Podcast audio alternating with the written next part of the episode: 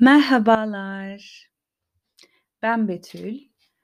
Bu podcast bölümünü ne zaman yayınlarım?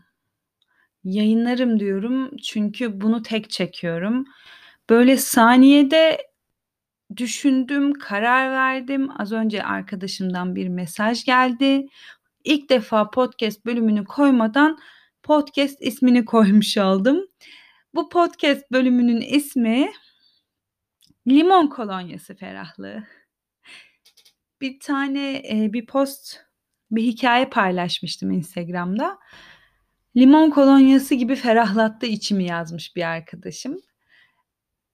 Diğer bir arkadaşımın deyimiyle güzel insan çiçeği. Bana bir anda bir ilham verdi ve bunları konuşmak için buraya geldim. Gerçekten sıfır hazırlığım var. Eee, bilmiyorum nasıl gidecek. Tamamen spontane olarak konuşacağım ama aklımda milyonlarca şey var. Hangi birini ne kadar söyleyebileceğimi bilmiyorum. O zaman hadi başlayalım. Bu limon kolonyası ferahlığından kastım aslında bize gördüğümüz iyilikler, tanık olduğumuz, şahit olduğumuz, bize yapılan, bizim yaptığımız bu iyilikler bizi gerçekten ferahlatıyor bu dünyada. Çünkü bazen o kadar, o kadar, o kadar karanlıklaşıyor ki hem etraf hem gördüğümüz manzara. O kadar çok kötü şey duyuyoruz ki, o kadar çok kaygı, endişe var ki bu dünyada. Bilmiyorum, sizin var mı? Ama yani işi kötü gitmeyen bir insan yok yani şu dönemde. Borcu olmayan, sıkıntısı olmayan. Çok zor. Maddi zorlukları bir kenara bırakıyorum. Sağlıkla imtihan olan çok insan var. Onu bir tarafa bırakıyorum. Duygusal olarak kesinlikle psikolojik olarak, duygusal olarak kendini ferah da hissetmeyen milyonlarca insan var. Zor.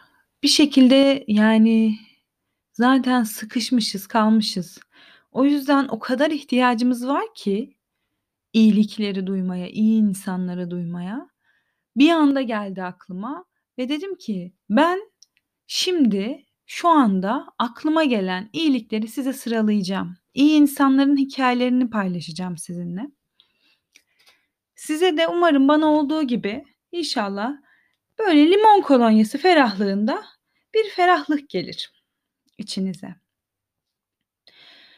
Şimdi en son, eee, yani burada beni Instagram'dan takip etmeyen ve bizi dinleyenler vardır belki.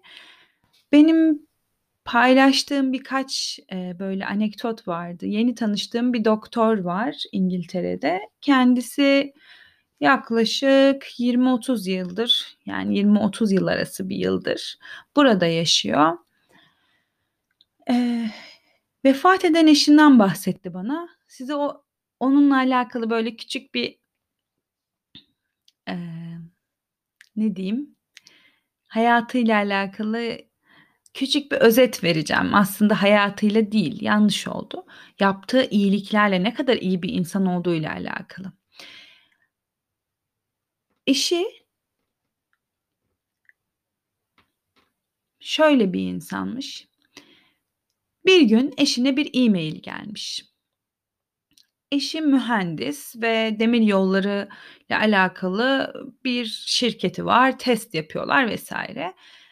Eee, muhtemelen web sitesinden bir PhD öğrencisi, doktora öğrencisi eşinin e-mail adresini bulmuş ve demiş ki bakın normalde İngiltere'de burslar 3 yıllık verilir PhD'ye, doktoraya. 4. yıla kalırsan hani senin onu kendin sponsor etmen yani kendin paranı karşılaman gerekir. Demiş ki ben, eee, sponsor bulamadım. Maddi durumum da yeterli değil 4. yılı, eee, sponsor olmaya ve ben ülkeme döndüm. Yani Brezilya'yla İngiltere karşılaştırınca sonuçta döviz kuru da belli. Ben sizin şirketinizde hem çalışsam hem de siz bana sponsor olsanız olur mu bunun karşılığında diye güzel bir e-mail almış. Yani, çok da düşünmeden, eee, karar vermiş ve ne yapmış? Kızın Brezilya'dan İngiltere'ye biletini karşılamış. Kız böyle bir şey talep etmemiş. Gelmiş eşiyle çocuğuyla konuşmuş. Demiş ki böyle bir, eee, doktora öğrencisi var. Ben ona yardım edeceğim. O da şirketimizde çalışacak. Eee, ama sizin de desteğinize ihtiyacımız var. İşte, akşam yemeklerine alışana kadar burada gel gelse yese olur mu vs. Onlar da tamam demişler. Ondan sonra ama, hani, böyle tek kızları var bir tane. O da demiş ki yani baba hep mi böyle mi devam edecek yani sen, hani, devamlı, işte, birilerini yemeğe getiriyorsun, birilerine biz devamlı yardım ediyoruz vs. Hani, böyle oradan da anladım yani kızının aslında belki neler gör görerek büyüdüğüyle alakalı bilmiyorum. Sonra o kız gelmiş, ona oda tutulmuş, odasının parasını belli bir süre o alışana kadar maddi işte, istikrar sağlayana kadar karşılamış. Bir gün, işte, ilk gün geldiği zaman kız eve yemeğe getiriyor. Eee, o tanıştığım doktor hanımın eşi. Kız geldiğinde çok mahcup. Diyor ki eşine, mutfağa gidiyor, Meryem Hanım'a. "Meryem Hanım, ben geldim ama yani, eee, işte, Sami Bey çok ısrar etti bana, o yüzden geldim. Ama lütfen ben size rahatsızlık vermek istemiyorum. Hani, bu ilk ve son olacak. Merak etmeyin, kusura bakmayın. Çok teşekkür ederim bana ev beni evinize kabul ettiğiniz için." O an böyle diyor ki kendi ifadesinde diyor, hani, "Aradaki buzları kırmak için bir bir şey yapmam gerekiyordu." diyor. "Benim benim de içim çok rahattı değil rahat değildi aslında." diyor. "Ama içim ısındı o anda kıza, o anda güvendim." diyor. Dedim ki diyor, "Bak bu ne? Çorba. Ben bu çorbaya biraz daha su koyacağım. Oldu sana 4 kişilik. O yüzden sen hiç canını sıkma. İstediğin zaman bu kapı her zaman sana açık. Biz de senin bir ailen oluruz burada." Böyle başlayan bir hikâye. İşte, bu hikâyede, eee, bu hikâyenin sonunda bir hikâye daha anlattı. Sami Bey'in en yakın arkadaşı, işte, İngiliz. Burada böyle çok yakın bir arkadaşı olmuş. İsmini şu an hatırlamıyorum ama, eee, yok hatırlamıyorum. Bu arkadaşı kanser oluyor. Bir gün, eee, tabii kanser olduğunu biliyorlar ama ne kadar ağırlaştığını vs. bilmiyorlar. Meryem Hanım doktor olduğu için hastanede bir bakıyor, işte, bu arkadaşını görüyor bir odada doktorla konuşuyor. Hemen gidiyor doktorun yanına. Diyor, "Ne ne oldu, neyi var?" İşte, "Böyle böyle." "Evet." Ama çok ağırlaşmış.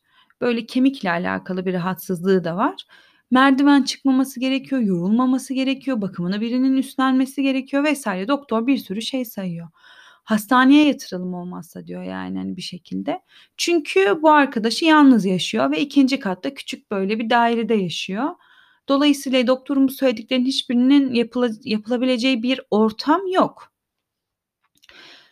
Meryem o anda böyle diyor ki yani, hani, "Zihnimde böyle ışıklar belirdi." diyor. Yani, "Ne yapabiliriz?" Hemen o an ilk aklıma gelen şey şuydu diyor. "Eve gideyim, eee, giriş kapının girişte hemen böyle yanda bir odaları var. Ofis olarak kullanıyormuş eşi. Orayı boşaltayım, temizleyeyim." Eee, şimdi hatırladım ismini, John. John'a oda yapayım. Eee, orada ben, işte, enjeksiyonlarını yaparım, bakımını yaparım, işte, eee, Sami ona arkadaşlık yapar vs. Yani, şimdi baktığımız zaman bu bu dünyada olabilecek bir şeymiş gibi gelmiyor hiçbirimize, değil mi? Bilmiyorum size geliyor mu? Yani, etrafımda buna yakın bir şey bile yapan yok benim. Eve geli eve gelirken arıyor. Diyor ki, "Rosie" çocuğun, işte, eee, ismi, "Hani, babanın ofisini toplar mısın? Hani, temizlemeye başlar mısın? Ben geliyorum böyle böyle." Hani, bilmiyorum kızıyla da tabii konuşmak istiyorum. Daha neler anlatacak ama böyle ailecek, eee, bir seferberlik içindeler. Sami Bey geliyor eve, bir bakıyor ofisi boşalmış. "Siz ne yapıyorsunuz? Hayırdır?" "Böyle böyle. Bugün hastanede bence onu gördüm. Böyle böyleydi. Ben çok kötü oldum. Ben böyle bir şey düşündüm. Senin de kabul edeceğini düşündüm. Ne düşünüyorsun?" Gözleri doluyor. Bir yaş böyle süzülüyor. Diyor ki, "Ben de sana bunu teklif edecektim ama" "yani Rosie ile seni baskı oluşturmak istemedim. Bu da çok fazla gelir gibi düşündüm." diyor. 3 ay vefatına kadar arkadaşına bakıyorlar. Orada ona aile oluyorlar.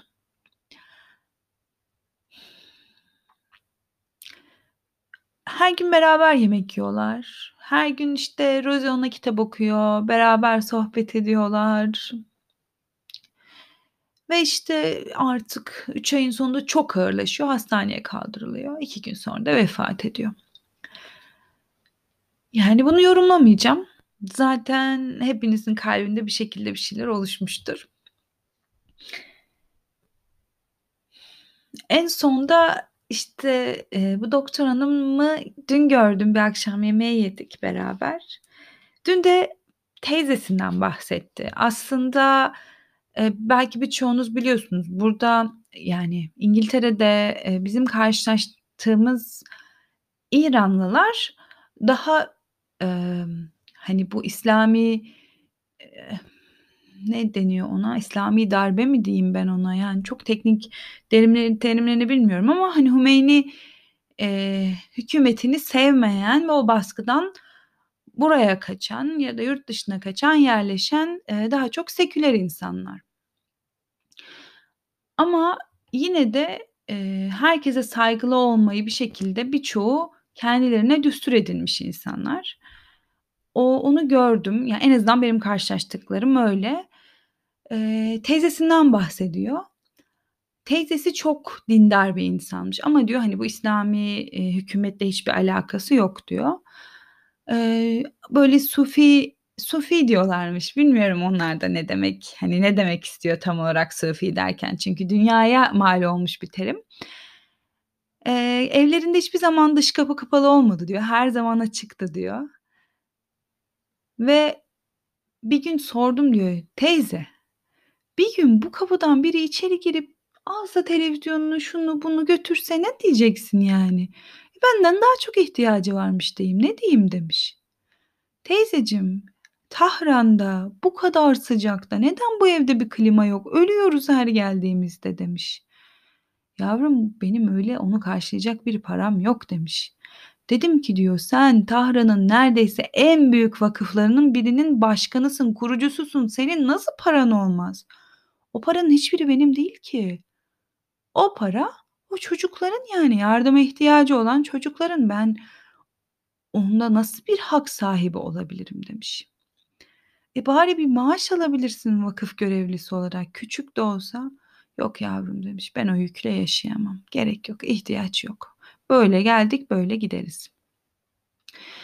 En son bunu da dinledim. Bu da böyle bende çok, eee, hele vefatında, eee, hanım Hati hanım hanım bir şey, yani hanım diyorlar onlar da. Şu an ismini hatırlayamadım. Çok özür diliyorum. Ana, ana diyorlarmış. Ana diyen geliyor diyor. Ana, ana. Ya kaç tane çocuğu var benim teyzemin dedim diyor. Yani boy boyları yaşları farklı farklı. O kadar çok çocuk var ki diyor, çoğunu biz tanımamışız bile. Bana şu şu seneler arasında baktı, bana şu şu yardımı dokundu. Annem, annem, annem. Yani hiçbir legal karşılığı yok, hiçbir hakkı, hiçbir, eee, beklentisi yok hiç kimseden. Ama bizim bile bilmediğimiz bir sürü hikâye diyor. Yani, hani, hayatlarına dokunmuş, hayatına dokunduğu bir sürü çocuk. Bunları dinledikten sonra, bunları böyle paylaştığımda, böyle çok, hani karşı tarafta da güzel bir yankı uyandırdığını gördükten sonra ben de hatırladığım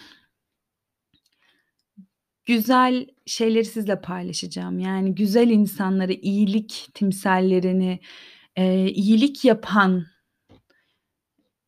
iyilik, yani iyilik yapan insanların bir şekilde karşı tarafta nasıl vesilelere sebep olabileceğine dair küçük anekdotlar paylaşacağım kendi hayatıma dair. Ben, eee, İngiltere'ye geldikten sonra, işte, kısa bir süre sonra, çok uzun bir süre değil, Türkiye'ye yine ziyarete gittim. Bir arkada hani, arkadaşlarımı ziyarete Ankara'ya gittim. Bir arkadaşım şu an muhtemelen bunu dinliyor. Böyle büyük bir sepet hazırlamış. O sepetin içinde sağlıklı yaşamdı galiba tema. Gerçekten hiç hazırlığım yok. Tamamen hatırladığım kadarıyla konuşacağım. Nasıl unutabilirim ki yani ama yine de. İçinde bir mektup yazmış 3 sayfalık. Her bunaldığımda, sıkıldığımda açar okurum o mektubu. Öyle iyi gelir bana. Haftalık, her haftaya ait peygamber dualarından oluşan böyle renkli renkli kağıtlara bastığı böyle dua setleri hazırlamış. Kuruyemişler hazırlamış. Böyle gül tomurcuklarından kurumu kuru gül tomurcuklarından kavano kavanozlara koymuş böyle. Eee, güzel çaylar koymuş, tatlı aromatik, eee, bitki çayları koymuş. Japonya'dan aldığı termal, eee, böyle bel ısıtıcısı gibi bir şey koymuş. Üşüdüğünde, eee, giyersin vs. diye. Yine termal bir böyle patik gibi bir şey koymuştu. Hasta olursan kışın işte, çay yaparsın diye zerdeçal köyü kökü, zencefil vs. bunlardan koymuş. Ne olur bir şeyler unuttuysam beni affet. Şimdi zihnime gelen şeyler bunlar oldu. Ama bana böyle, hani, özenilerek hazırlanan, böyle uzun çabalar gösterilerek hazırlanan bu hediye, hani, hayatım boyunca unutmayacağım bir şey ve bana her sıkıldığımda, bunaldığımda, işte, elim gitti bir dua kartelasına, gitti bir mektuba, onu okudum, ferahladım, gittim bir çay yaptım. Bir şekilde kendimi hani, onunla böyle karşı karşıya oturuyorum, muhabbetle birbirimize, işte, teselli ediyoruz gibi hissettim. Birilerinin teselli sebebi olabilmek ne kadar önemli değil mi? Gerçekten bu kulağımıza küpe olsun. Bir şekilde birilerinin yani önemsediğimiz, değer verdiğimiz insanların teselli sebepleri de olalım. Teselli sebebi olacak hediyeler verelim onlara. Ferahlıklar olalım onlar için, ferahlık sebepleri olalım onlar için. Benim ilk aklıma bu geldi. Sonra bir gün buraya ilk geldiğim zamanlar yine, hep de burayla alakalı anlattığım şeyler ama hayatımın son dönemi sonuçta. 3 yıl önce, eee, bayram namazına gittim camiye. İşte, insanları da görürüm, hem bayramlaşırım vs. diye. Burada insanlar gidiyor. Hani, kadınlar da gidiyor Türkiye'nin aksine. Orada çok Türk'e benzeyen 2 tane kız kardeş gördüm. Kız kardeş olduklarını bilmiyorum ama aşırı benziyorlar. Kız kardeş olduklarını düşündüm. Gittim yanlarına. Hani, İngilizce böyle dedim, "Türk'e benziyorsunuz, işte, hani, Eid mübarek." şu bu vs. Dediler, "Biz Türkçe konuşmayı biliyoruz." Dedim, "Nereden biliyorsunuz?" Özbeklermiş ama Türkçe konuşuyorlar gayet. Eee, normalde Özbekçeyi bizim anlamamız hiç kolay değil. Neyse, işte, tanıştık. Öyle bir arkadaşlık başladı. Numaralarımızı aldık birbirimizin. Sonra ben o gün ertesi gün Türkiye'ye geldim, geri döndüm, tatile geldim, geri döndüm. Sonra eee, yeni kalacağım yere git yerleştim, işte, o gün geldikten sonra. Bu arkadaşlarımdan, işte, eee, biri beni aradı, işte, kız kardeşlerden. Dedi ki, "Nasılsın?" İyiyim dedim, işte, şey yapacağım, eee, burada dedim yorgan yokmuş, ben yorgan vardır, hani, diye sadece nevresimim var. Yorgan yokmuş, bir gideyim de yorgan alayım istiyorum dedim, işte. O gün pazar, ben farkında değilim, saat de 16.30. Dedi ki, bugün pazar, sen şehre gitsen bile her yani, hani, kapalı şu anda, yetişemezsin yorgan almaya. Ha, dedim, tamam, çok soğuk değil, hani, eee, kalın kıyafetlerim var, üstüme örter yatarım, bir şey olmaz. Tamam dedik, kapattık. Hava da soğuk değil diyoruz ama yani soğuk, ekim. Yani yorgansız kolay değil. Bir de o gün gerçekten soğuktu. Yaklaşık 1 saat sonra telefonum çaldı. Dedi ki, "Kapıya çıkar mısın?" Kapıya çıktım. 2 kız kardeş kapının önünde. Ellerinde yorgan, ellerinde yemek, elma, şu, bu vs. böyle battaniye gelmişler. Gözlerim doldu. Dedim, "Ben sizden bunu istedim mi? Siz niye böyle ta nereden bir sürü yürüdünüz, zahmet ettiniz, ha hava karanlık?" Dedi, "Ne olacak? Ne demek yani? Sen, hani, üşüme, al bunu." Beni hiç tanımıyorlardı. Biz daha arkadaş olmamıştık yani. Ve o an anladım bu insanlara gerçekten güvenebileceğimi. Ve ondan beri Allah'a şükürler olsun çok iyi bir arkadaşlığımız var. Kendilerini de çok seviyorum. Burada yoldaş oldular yani. Böyle insan gerçekten birbirine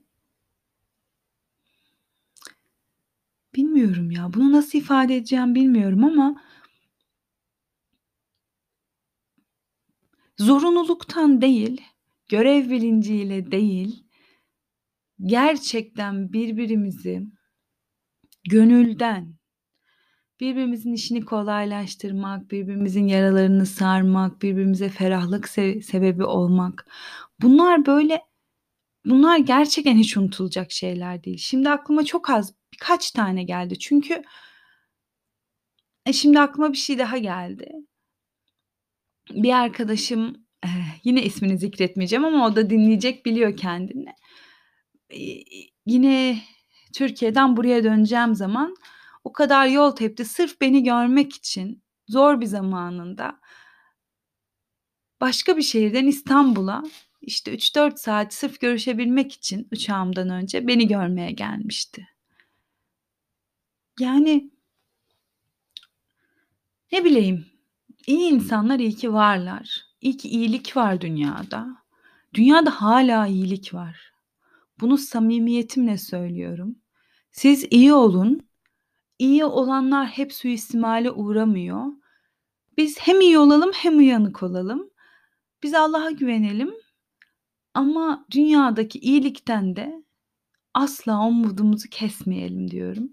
Böyle biraz şey gibi oldu ama bilmiyorum. Bilmiyorum, işte, öyle gönlümden böyle koptu. Umarım inşallah şey olmamıştır. Çok, eee, böyle spontane span spontane olması özensiz gibi göstermemiştir. Gerçekten gönlümden koptu yani. Öyle. Selametle kalın, kendinize iyi bakın. Hoşça kalın. Limon kolonyası ferahlığında gününüz, geceniz, ne bileyim, anılarınız olsun ve sizi limon kolonyası gibi ferahlatacak dostlarınız olsun. Hoşça kalın.